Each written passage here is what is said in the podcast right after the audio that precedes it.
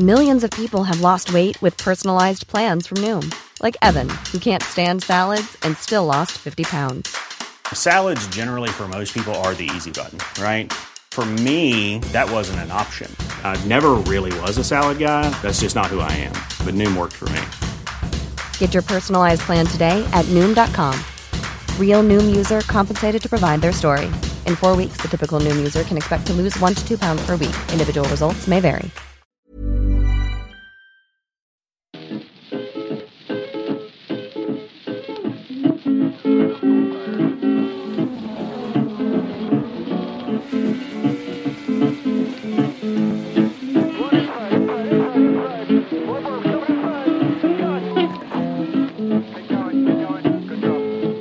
Said I know where my easy rider gone.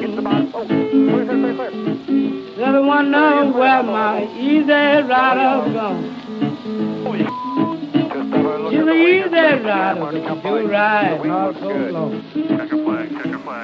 Hej kära vänner! Hej Ronny och hej Jakob. Och hej på mig själv, Gergej som står här vid mikrofonen. Och eh, är redo att eh, spela in denna veckas Indiepodd och prata om allt möjligt roligt och eh, mindre roligt. Hur mår ni grabbar? Bra, tack. Jag känner mig rånad. Är du rånad Ronny? på, på... Inga pengar hoppas jag. Jag känner, jag känner mig personligt rånad på Marcus seger i helgen. Ah, ah, du tänker så. Ja, det är ju en av sakerna vi kommer prata om är ju den här, eh, den här avslutningen av eh, den virtuella Indycar-säsongen som vi har haft eh, nöjet, jag gör så här citattecken i luften, nöjet att följa under våren. Det blev kanske inte riktigt som många av oss hade hoppats där. Men eh, det blev ingen avslutning med en höjdpunkt. Men det kommer vi prata mer om alldeles strax. Jakob då? Hur mår du? Känner du dig också rånad? Ehm, inte mycket rånad, men kanske lite... Kränkt? Känns li det, nej, det känns lite tomt nu. Eftersom nu, nu det inga mer iRacing-lopp. Det borde avslutas lite roligare så det inte hade känns så tomt efteråt. För man vill ju se fram emot något kul, man vill se tillbaka mot något roligt. Och det var ju rätt kul i fem veckor i alla fall. Och sen så blev det inte så kul längre, nej. Men jag försöker vara lite mekaniskt sinnad. Jag har byggt om mina pedaler till simracing-riggen. Jag har meckat min cykel. Eh, så jag försöker hålla mig lite me- mekaniskt, hålla mitt mekaniska sinne i, i schack i alla fall. Kul, men det, det, här praktiska får mig att tänka på en sak som... Det är lite roligt att alla vi tre kör ju en del simracing. På väldigt olika nivåer. Jag tror ni två är sjukt mycket duktigare än jag. Men en sak som jag har tänkt på nu under våren är Jag får bara att... säga det att jag, kom, jag har kommit på att jag är sjukt på sjukt låg nivå bara sedan, det så? de senaste två veckorna. Ja, Har du blivit jag utklassad bara av Jakob? Ja, ja, bland annat. så, jag är på, så jag är på jättelåg nivå. Så det är Jakob. Nu är det bara Jakob som är proffset. Okej, nu, nu, alla har fått bekänna färg. Eh, Men jag har inte ens vågat gå upp mot er på banan. Men det, det har vi framför oss. Men det var inte det jag skulle säga. Det jag skulle säga det är att eh, jag nu under våren när jag ändå har försökt följa de här online-serierna som har funnits att följa så har jag insett att simracing verkligen är faller med bred marginal i kategorin saker som är sjukt mycket roligare att göra själv än att titta på när andra sysslar med det. Håller ni med? Lite, inte jättemycket. Jag kör mycket hellre än att titta på andra. Vilka som helst. Men det gäller vår riktiga racerförare som kör, jo, jag, jag tar det gärna när det, när det inte bjuds på något annat.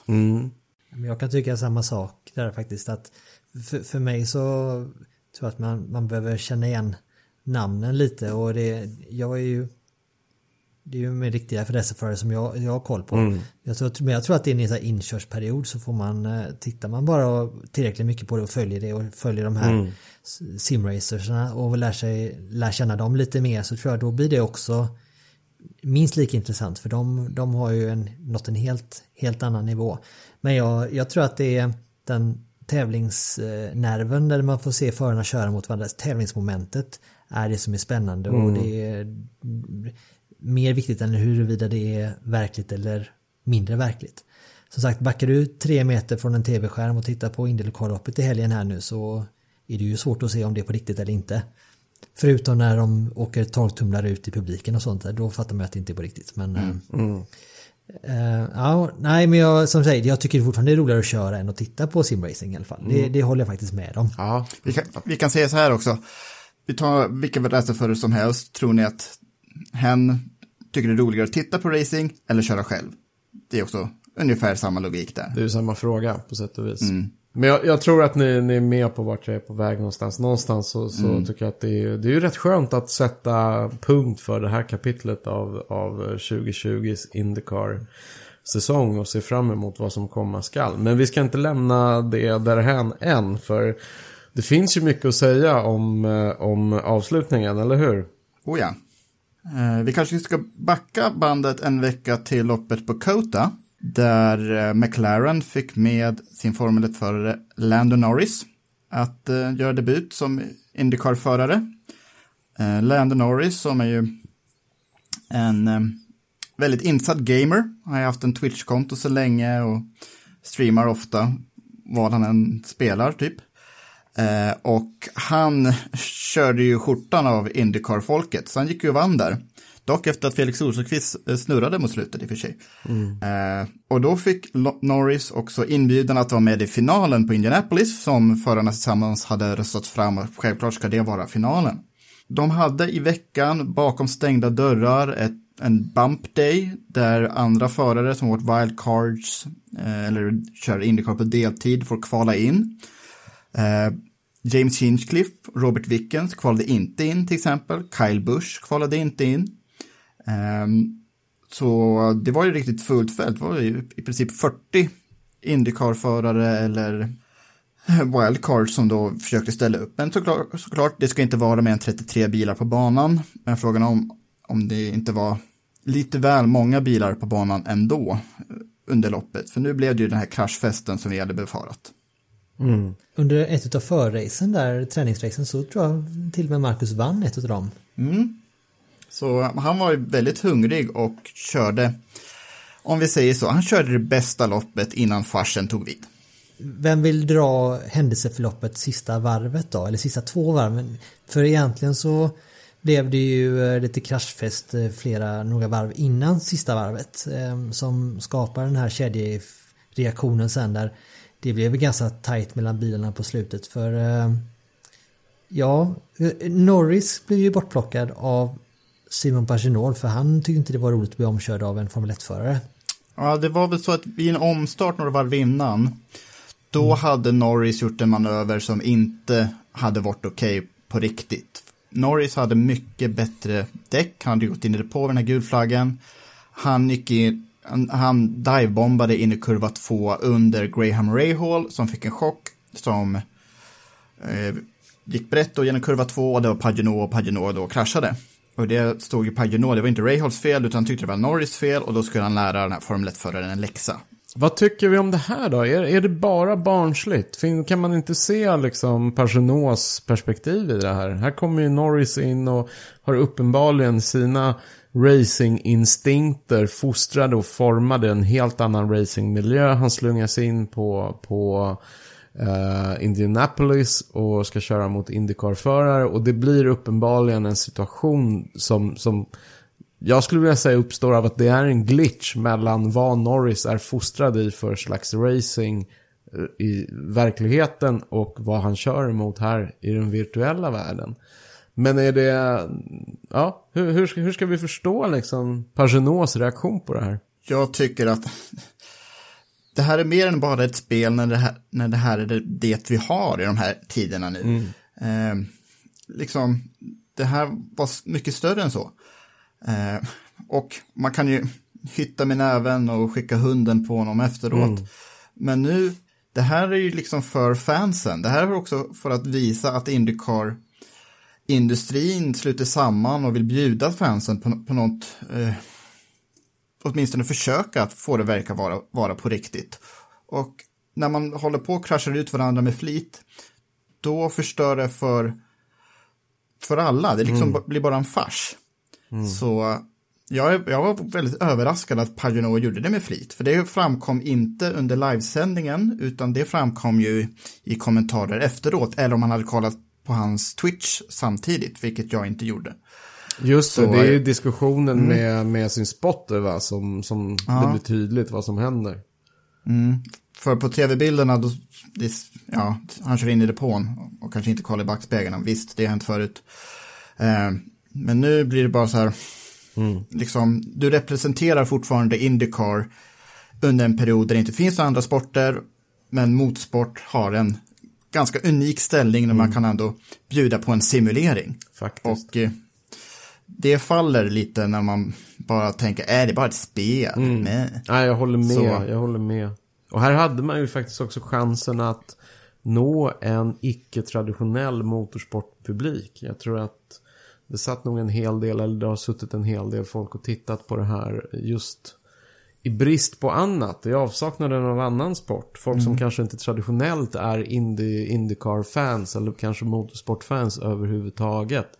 Så att det var ju, det var ju lite så här tråkigt eh, slut. För att, för att man verkligen ska attrahera och behålla folk så gäller det att man beter sig på ett sätt som upprätthåller den här kollektiva magin. Att där vi vet att det här är virtuellt men vi tar det på allvar och tar vi det på allvar då kan ni ta det på allvar också. Så att eh, det är, nej det är lite fult och efterhand kommer man säga men vadå det är bara ett spel, vem bryr sig? Eh, så jag, jag tror inte Indycar som, som eh, motorsportform fick särskilt många nya fans i, tack vare den här sista, sista racet. Förhoppningsvis har de inte lyckats alienera allt för många av de traditionella fansen heller. Men, eh, men det är lite tråkigt att eh, det blir det här eftersnacket. Ja, man vill ju ha det tycker att det var liksom en positiv uppladdning inför den riktiga säsongen om eh, någon månad eller så. Ja, Och eh, Ja. det, så blev det visst inte. Samtidigt så finns det ju, det finns ju liksom en viss mättnad hos, eh, jag, jag kan erkänna själv, det finns hos mig på den här virtuella racinggrejen. Så att det är inte mig emot att, att eh, det tar slut här. Men det är, det är lite här, de här bråken efteråt och vad, det, det, det känns lite som att eh, det är liksom nykterister som har ett fylleslagsmål. Det är, jag kan se det där perspektivet i det också att herregud, det här är vad som sker i en virtuell miljö. Det är, fan ska man hålla på och tjafsa om det? Det är bara att gå vidare. Men men. Tyvärr är det ju det vi, det vi ser nu i, helgen som skedde där när, det, när folk kraschar in i varandra med flit och så. Det är ju det är det iRacing-plattformen jobbar väldigt hårt med att få bort den stämpeln och den typen av beteenden. Eh, just för att folk inte ska tröttna på att köra själva heller. Liksom. För det är hopplöst ibland när man har kört eh, på nybörjarnivå och det är fullständigt galet med hur mycket folk kraschar och plockar bort varandra med flit och så. Eh, då blir det ju inte roligt och när dessutom proffsen gör det om man säger så. Då, då tycker jag det mm. Det är ju lite synd om iRacing som plattform. Du tjänar de väl pengar som gräs för tillfället men det är synd att eh, det går ut över så pass så pass många utöver förarna själva. Å andra sidan, absolut Ronny. Å andra sidan, tänk om vi skulle vända på det här och, och, och se att eh, ändå att nu under våren som vi har sett de här, de här virtuella racen så har det ändå inte varit så jättemånga exempel på den här typen av, av eh, vidrigt beteende som av Simon Pagino och, och Ferrucci framförallt i sista racen. Eller hur? Nej. Det är sant. Det är sant. Sant. Nu, nu är det lätt att fokusera på de, här, på de här enstaka situationerna som blir så himla avgörande och betydelsefulla och lätta att gå igång på och, och, och tycka att de har betett sig illa, vilket de har, de har gjort. Men å andra sidan i det stora hela så, så har vi också de här man får också se lite från andra perspektivet att den här virtuella miljön bjuder ju lite in till att folk ska bete sig på det här sättet i och med att priset är ju så lågt. Det, det kostar så lite att köra på någon. Du kommer inte bryta några ben och du kommer inte få sparken. Så vet inte, eh, ja, använder n-ordet. Då kan du få sparken, och vilket är ja, en annan diskussion. Eller Rage Quitta som det var det som gjorde det nu. Babba Wallace. Just det. Baboli sa. Lite konsekvenser ska man ju kunna ta när man förstör det ro roliga för så många. Lite konsekvenser måste man ta när man förstår det roliga för Jakob Fredriksson. Exakt. Ja, Exakt. det tycker jag. Det kan, inte, Men- det kan inte vara ostraffat. Nej, nej. Men Eh, någonting som jag tycker som inte ska förglömmas om vi fokuserar på det sportsliga under racets gång här så Oh ja. det som jag tyckte var väldigt roligt att följa det var ju att Marcus och Felix gick, valde ju två helt olika strategier. Marcus eh, gick ju, på, gick ju depå redan efter typ 8-9 varv vid första safety caren. Eh, och vi gick på en helt alternativ strategi samtidigt som Felix eh, låg kvar. Eh, vilket gjorde att den splittrade strategin gjorde att de hade ju helt olika förutsättningar på slutet där det var ytterligare en safety car. Marcus valde väl gå, då gå in, nu får ni rätta mig om jag har fel, men om det var det typ en tredje gång han gick i depå för att slänga på fräscha däck på varv 55 och då valde Felix att ligga kvar i topp. Då låg han ju tvåa, trean, eller tre, fyra kanske.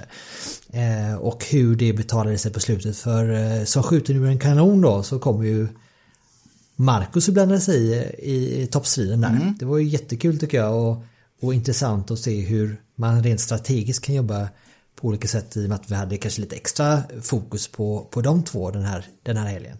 Ja, det, det, liksom, det har jag ju sagt liksom hela tiden. Marcus Eriksson trivs jättebra på ovaler och det syntes nu. För han gjorde ju jättesnygga manövrar och borde ha, vunnit loppet. Eh, så han, det märks att han tycker det är roligt med ovaler och eh, det, det är båda gott inför den riktiga säsongen. Nu tycker jag inte man ska dra för många slutsatser med vilka förare som har gått bra för, bara för att Alexander Rossi inte brytt sig om iRacing betyder inte att vi ska räkna bort honom med riktiga säsongen såklart. Han är slut, Men- tror jag. Ja, Helt över. med- Eller slut. Det blir STCC 2021.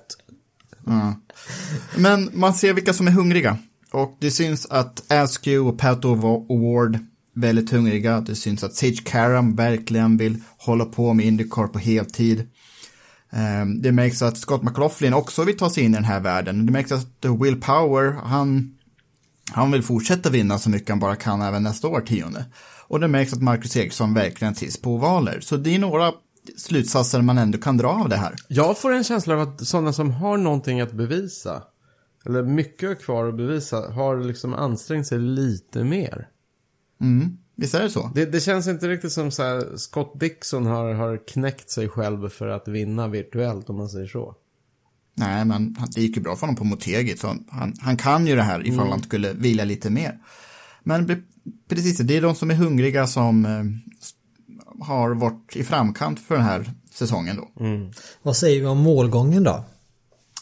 Eh, Oliver det, Askew mot Santino Ferrucci ja, det var ju så många som var uppe där sista halva varvet. Det var ju först Eriksson Askew Award, tre i bredd, längst bakrakan. Eriksson tar ledningen. Och sen Award är ju väldigt optimistiskt i, optimistisk in i sista kurvan. Eh, men det är fortfarande en, en racingolycka som har hänt på riktigt, liksom hur många gånger som helst ändå. Så. Men klart, åh, det var ju en stor besvikelse. Och sen på, på sista rakan så, man ser ju inte riktigt i livesändningen vad Ferrucci gör. För, för alltså, tv-kameran byts ju precis när de kolliderar. Så att det hade ju, jag visste inte riktigt vad som hände där, utan jag tyckte bara att det var, det var ett, det var ett kul race. Men sen när jag tittar på reprisen, liksom, det där gjorde han i flit, det syns ju långa vägar. Um, han, ja, sva- han svängde alltså rakt in i Askew och plockade bort, dem. Han plockade bort sig själv och honom. Och han hans- själv har ju, det som stör mig så, så mycket, det är ju att han han avfärdar ju detta och, och så här, ah, men det är ett spel. Eller, och, och dessutom att, nej men jag har kört så mycket Nascar sista tiden virtuellt så att jag försökte göra en sån här liten bump-grej i dörren ungefär. Han Ja, hade plötsligt glömt, alltså, han hade plötsligt glömt att han satt i en formelbil. Då. Ja, så sen så förklarande på Indycar-förarnas interna eh, chatt att eh, it's for the fans. Men om man tror att, det, att det där är vad fansen vill se, då, då är han ju mer bortkopplad från riktiga världen än vad jag redan befarat. Så, ja, precis, man var besviken på hur det slutade. Men ja, jag kollade på, på loppet med min pappa som har kollat på de flesta lopp och han tyckte det var, var kul att hänga med. Han sa alltså, tack för att du övertalade mig att kolla för han hade ju varit så här skeptisk till eh, e- e-sport tidigare. Eh, så det var liksom riktiga känslor som man kände under det här sista varvet. Men det hade ju varit roligare ifall det hade varit positiva stories att berätta nu efteråt. Var det, var det den verkliga Santino Ferrucci vi fick se här nu i helgen? Hmm. För han har ju varit så, han har ju verkligen, alltså när han blev klar för Indycar så var han ju, vad ska man säga?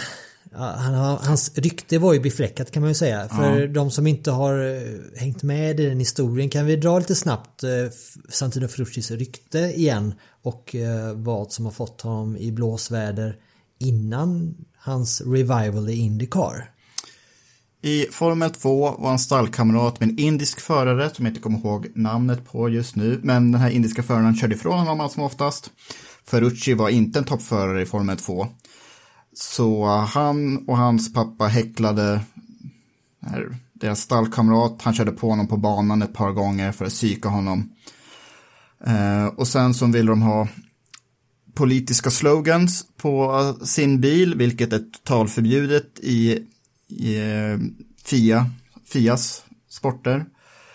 Eh, och till slut fick Formel 2-stallet nog av Ferrucci och hans, hans bihang. Så att de, de så blev tillsagda att lämna stallet. Och så hade ju inte sponsorerna kommit med pengarna som var utlovade heller. Så det var en himla massa grejer där sommaren 18. Han hade tryckt om sig att vara rätt ful helt enkelt. Eller hur? Mm. Rätt, eh, ja. Och det, just den här påkörningen av stallkamraten på, om jag minns det, inte minns fel, så var det på invarvet dessutom, var det inte det? Ja, efter loppet. Efter loppet, så att helt, eh, helt meningslöst bara för att, eh, bara för att klämma dit den liksom. Och sen så chattade, han hö- höll på med mobilen samtidigt som han körde en gång så, i sin Formel 2-bil. Just det. Ratt, rattsurfa, så det gjorde han ja. han, ja, precis. Och det var på väg ut till, till startplattan. Eh, så... Som man gör. Ja, han satt och twittrade eller något. Nej, men han är, det är ju en speciell kille. En, en jättetalang, tror jag att han är. Eller det har han egentligen varit ända sedan han var 6-7 år och började köra gokart. Och, men han verkar ha varit, åtminstone varit enormt självgod. På många sätt. Ja. Så väldigt uppblåst på många sätt. Eh, men, ja, väldigt fult det han gjorde nu, vilket precis som Ronny säger, rånade oss lite. Eh, han skulle inte gjort det på riktigt i alla fall. Då, det hade, hade varit extremt illa. eh, men ja, det, det gör ju, hans tilltag gör att det blir ganska surt eftermäle av den här, annars ganska roliga minisäsongen vi haft. Ska vi summera säsongen lite? Nu har det varit sex race. Vi har ju en inofficiell slutställning. Men gud, vet ni vad? Topp tre är ju Penske. Såklart. Men topp ett är Rookie, som är ännu inte kört ett enda Indycar-lopp. Han skulle göra debut nästa vecka ifall det hade varit en normal värld vi lever i. Men Scott McLaughlin blir inofficiell iRacing Indycar Challenge-mästare. Joho! Jag skakar Ja, det- och sprutar min virtuella champagneflaska. Attas, som sån har inte jag haft hemma. virtuell alkohol. Ja, men eh, det låter ännu tråkigare. Än virtuell simracing. Nej, men jag, ja, jättekul att McLaughlin liksom etablerar sig på något sätt i Indycar-världen. På sex lopp, fyra, eh, fem stycken topp fem-placeringar, två segrar. Eh, enda icke-resultatet var på Motegi, där han dock kraschades ut ur loppet med tio varv kvar. Sen på andra plats så har vi legenden Will Power som eh, kommenterade s- sen direkt efter loppet nu i lördag så att det här var kul. Det är kul att vi har kunnat prata med varandra och vi har blivit så väldigt goda vänner allihopa. Ja, han visade prov på, på eh, bra humor i det Ja. klippet han la ut. Jo, Han har ju haft en, han har haft en legendarisk radiotrafik också. Han är ju Get out of the way you wanka! ja, det, är, det är inte ett komplett Will Power-citat om man inte använder ordet wanker. Nej, hela tiden. Hela, hela tiden. Och sen, hur skulle, ska man räkna egentligen? Ska vi ge Pagano och Ferrucci, Schumacher 97-straffet. Ifall de kör på någon med flit så tas de bort ur mästerskapet helt. Det var det som hände i Schumacher Formel 1 97 efter han körde på Villeneuve. I alla fall, tredje mest poäng tog ju Simon Pagenaud. Två segrar tog han, men de två sista loppet blev inte bättre än 14 plats och 25 plats. Sen, efter de tre Penske-bilarna, en Ganassi-bil såklart, bara för att det ska vara mellan Penske och Ganassi hela tiden, men Felix Rosenqvist då. Två pallplatser, ehm, en sjätteplats, 62 ehm, poäng efter Scott McLaughlin om man räknar med att eh, sista loppet på Indianapolis bara inte gav dubbelpoäng utan lika många poäng som de andra loppen. Mm. Uh, femma, Ferrucci, som i och för sig kom i topp 10 alla lopp förutom på Michigan, så ganska jämnt.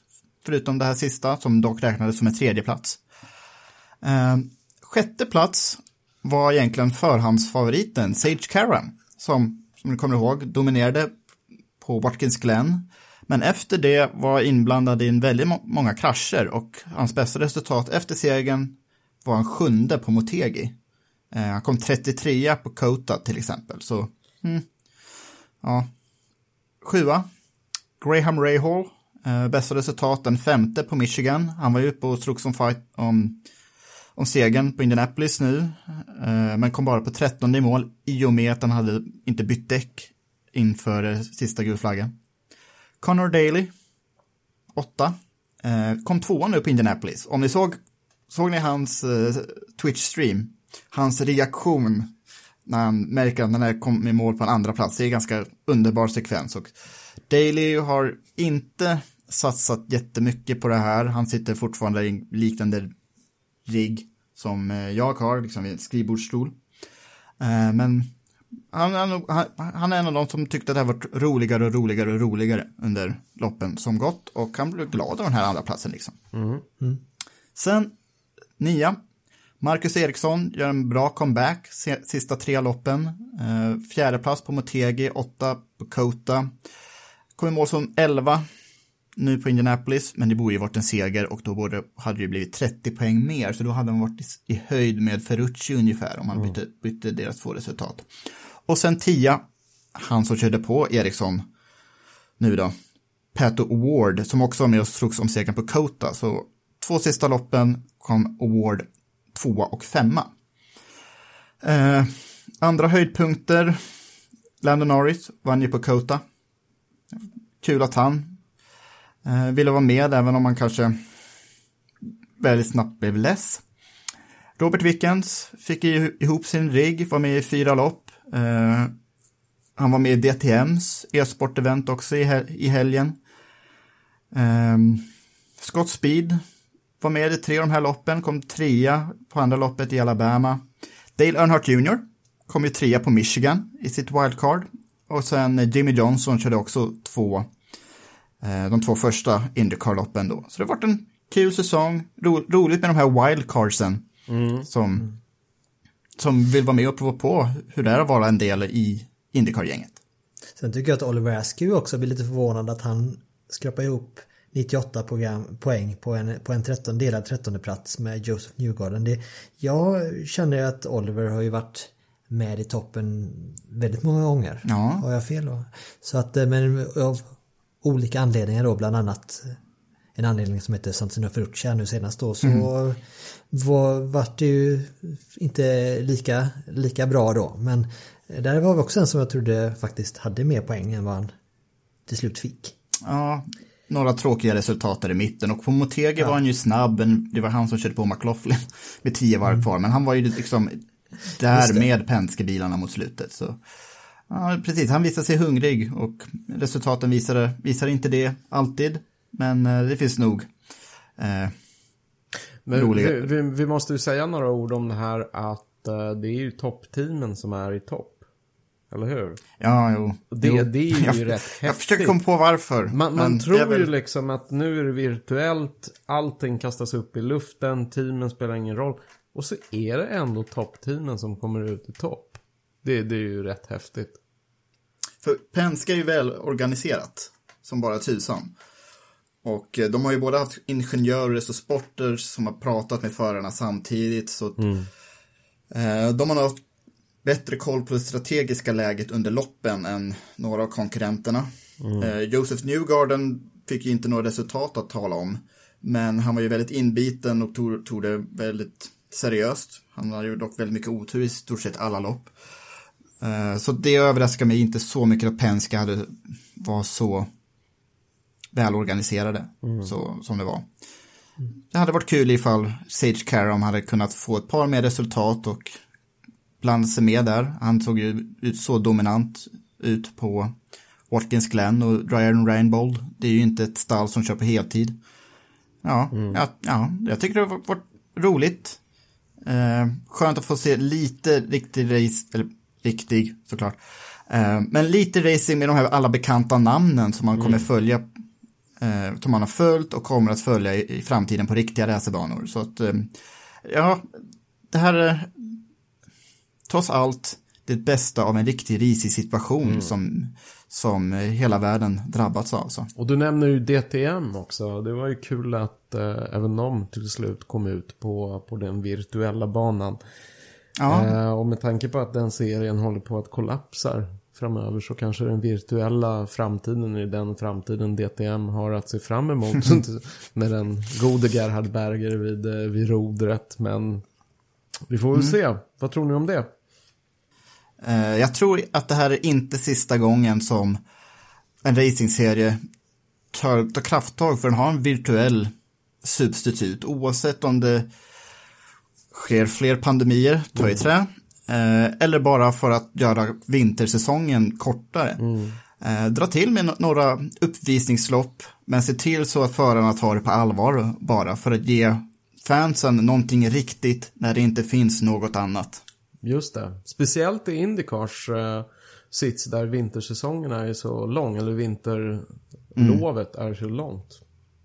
Det jag menar, så förhoppningsvis inte sista gången vi bjuds på något sånt här. En julspecial, typ. Och jag tror också att eh, det som behöver komma till här nu som hade kanske för eh, eliminerat den risken som hände nu i helgen. Det är att det hade varit ett officiellt eh, mästerskap, en sammanställning, en total. Nu var ju det, varje race var ju enskilt och ingen officiell, inget officiellt mästerskap och då såklart, då är det ju lättare att avfärda eh, detta som på sköj liksom så. Men lägg lite mer mer i, i, i prisbotten och eh, göra, en, göra ett mästerskap av det. Då ska ni få se på andra grejer tror jag. Precis. Vi är denna vecka sponsrade av Tico Racing Shop. Alltså Tico Persson är ju en ikon inom svensk motorsport. Eller hur Jakob och Gerger? Ja, Jag tror jag, jag tror jag har kollat igenom de stånden många gånger när jag varit på race runt om i Sverige. ja, han är ju, Tico är ju en eh, levande legend. En levande institution som, eh, alltså han åker ju på en väldigt stort antal tävlingar varje år för att eh, ställa ut och sälja sina racingmodellbilar. Så han måste vara en av Europas bästa intressantaste utbud av racingmodeller. Och också en person man kan vända sig till om man verkligen är ute efter en viss, viss typ av bil. Liksom, och så kan jag ju säkert eh, peka dig i rätt, i rätt riktning också. Men som du säger, han har, han har det mesta i sin shop. Och inte bara, inte nog med att han har en grym samling själv så, utan har ju även ganska exklusiva avtal med bland annat han är ju officiell återförsäljare av eh, Classic Lotus-produkter till exempel. Och så är han ju också officiell återförsäljare av Felix Rosenqvists supporterprylar. Och vi har ett roligt samarbete med Tico den här veckan, eller hur? Ja, ja precis. För det, vi har ju faktiskt en, en eh, alltså Felix Indycar-modell i skala 1 till 18 från eh, förra året då. Förra årets säsong. Eh, alltså en sån modell i skala 1 till 18 inklusive autograf som vi har möjlighet att tävla ut den här veckan. Ni kan alltså vinna en av de här jättefina modellbilarna signerade av Felix. De är värda en hel del om man skulle försöka... Ja, Betala över, eh, alltså själva, ja, över tusen spänn i alla fall. Är det över tusen spänn? Ja, Okej. ja, absolut. Och sen autografen på det. Så det här är fina priser vi har. Och det som ni ska göra då, det är att eh, ni, går in, ni, ni surfar in på tickoracing.se för där har ni nämligen svaret på den här frågan som vi tänkte jag läser nu. Hur många olika Felix-modeller finns med i Tico Racings sortiment? Ska alltså hålla utkik efter Felix Rosenqvists bilar på webbplatsen. Ja, och hur många modeller har Tico där? Eh, erbjuder Tico i sitt sortiment. Och det, det är inklusive både bilar som är slutsålda för tillfället och inte då kan man ju för enkelhetens skull säga. Eh, så inte blir några tveksamheter där. Vad ska folk göra av den där siffran då? Ja men då gör man så att du, du går in, kollar upp och så kommer fram till rätt siffra och så tar du och mejlar den siffran till eh, oss på eh, podcast indiepodden.se och så slänger ni med även med era kontaktuppgifter där. Eh, och då har ni eh, till och med, vilket datum då på er att göra detta? 17 maj. Söndagen är 17 maj, så lite drygt en och en halv vecka. Senast Norges nationaldag alltså. Och eh, glöm nu inte gå in på tickoracing.se T-I-C-K-O-R-A-C-I-N-G.se Ja, hörni, apropå roliga samarbeten. Vi har ju, vi har ju sedan tidigare ett annat samarbete som rullar på som vi också kan påminna oss, påminna lyssnarna om. Stefan Johansson och hans konstnär, konstnärskap, eller hur? Mm. Eh, för han har ju sina, sedan sen ett tag tillbaka sina konstverk tillgängliga i, på så kallade fine art prints. Ehm, eh, på sin hemsida, via sin hemsida stefanjohansson.art och där kan ni gå in och så köpa Stefans konst till ett betydligt mer överkomligt pris än originalen som hänger Eh, överallt i hela världen och eh, går och säljs eh, för väldigt höga belopp. Faktiskt. Men eh, det ni kan göra nu det är att ni köper de här fine art printsen på Stefan Johanssons hemsida stefanjohansson.art och anger ni då eh, rabattkoden Indiepodden så får ni 15%. Yes. Om ni vill höra mer om hur Stefan Johansson kommer att börja syssla med konstnärskap så gå in och lyssna på Indiepodden avsnitt 8 när vi hade ett ganska långt samtal. Det var jättekul. Ja, Eh, verkligen. med Stefan, han berättar hur han kom in på det här, var han fick idén ifrån. Det är en ganska fin historia, så glöm inte att lyssna på det Och också. den var ju helt ny för mig. Och, då- ja, jag har ändå För mig följt med. Stefan länge och, och ja. Nej, men det var väldigt bra samtal med Stefan. Så tack till stefanjohansson.art. Ska vi börja se framåt? Ja, tänk om det blir riktig racing, eller hur? Ja, vi har ju fortfarande en kalender som verkar stå fast. Eh, låt se om det. Men eh, Ja, för det senaste från, för det senaste, vad heter premiären är i Texas den 6 juni, eller hur? jajamän, så ungefär en månad kvar i bästa fall. Ska vi se, guvernören Greg Abbott då, Texas-guvernören, eh, har ju sagt då att han har ju sett gett Nascar grönt ljus i alla fall att köra på lördagen då. eh, Den 5 juni. Vilket innebär ju att eh, då är det ju ingenting som borde stå i vägen för att Indycar ska kunna ha sin premiär den 6 juni. Men vet Men- vi om det är det är den 5 juni, det blir med publik och hela kittet, eller? Nej, u- utan Utan publik är väl publik. snacket i så fall. Eller en begränsad antal publik. Ja, men det... Var inte så, jävla, var inte så politiskt korrekt nu Jakob. Säg exakt som du sa innan vi börjar spela in En- om din tes. Ja, men en, en republikansk guvernör vill ju bara dra igång ekonomin. Han bryr sig inte om människoliv och ifall det finns pengar att tjäna, känns det lite som. Och det verkar ju råda den stämningen i hela det republi- republikanska partiet i USA. Så att det är klart han vill bara, han vill bara komma med goda nyheter. För ifall han måste ge dåliga nyheter så kommer han ju känna att han inte tjänar politiska poäng på det. Eh, så det är en jätterisk att i ett fall med en republikansk guvernör, det är en jätterisk att bara lyssna på den personen eftersom den människan kommer inte bry sig någonting om vetenskapen ifall det fortfarande är en enorm smittspridning i ett område så kommer det inte vara särskilt klokt att bara gå efter det här pre- preliminära schemat.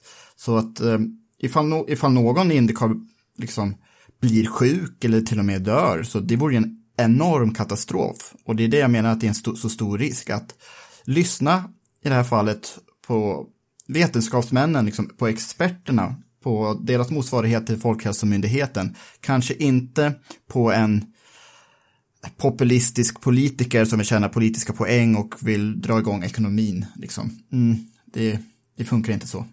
Till skillnad från Jakob så gillar jag inte jag politiker oavsett vilken politisk färg de har. eh, så, men, eh, men jag vet inte, det kanske ligger någonting i det.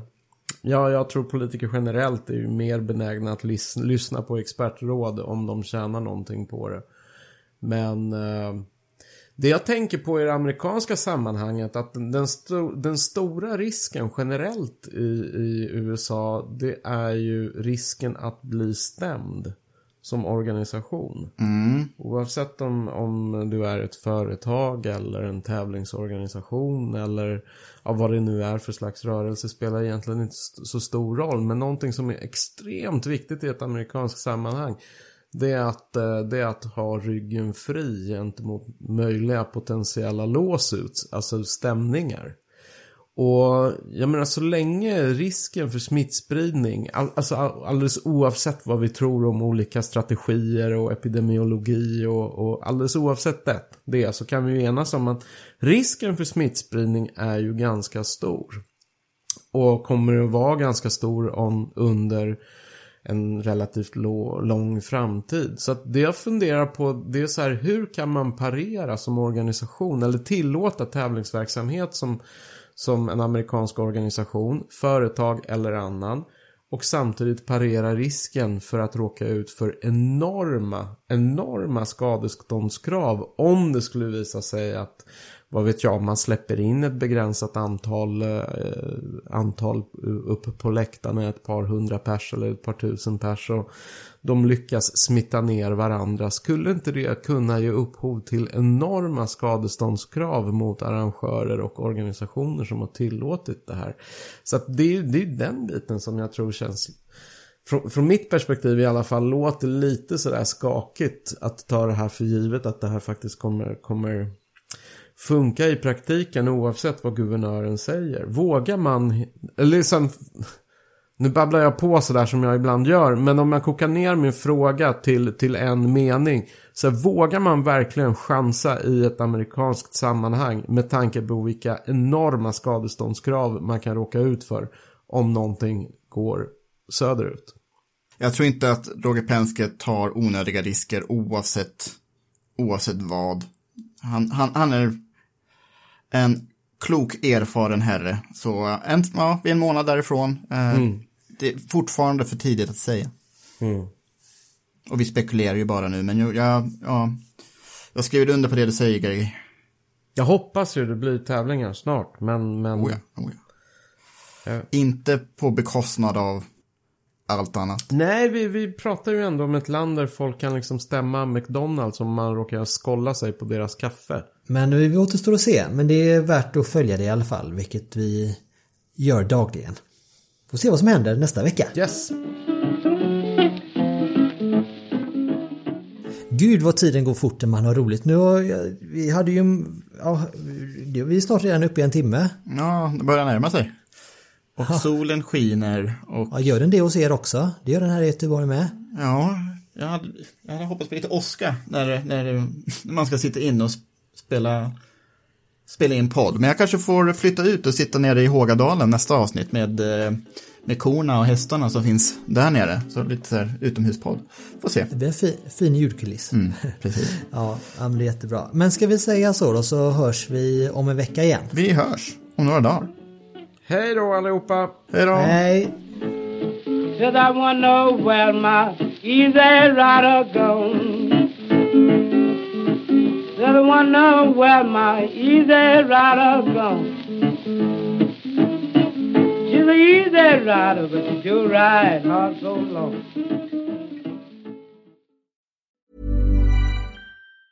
Hey, it's Danny Pellegrino from Everything Iconic.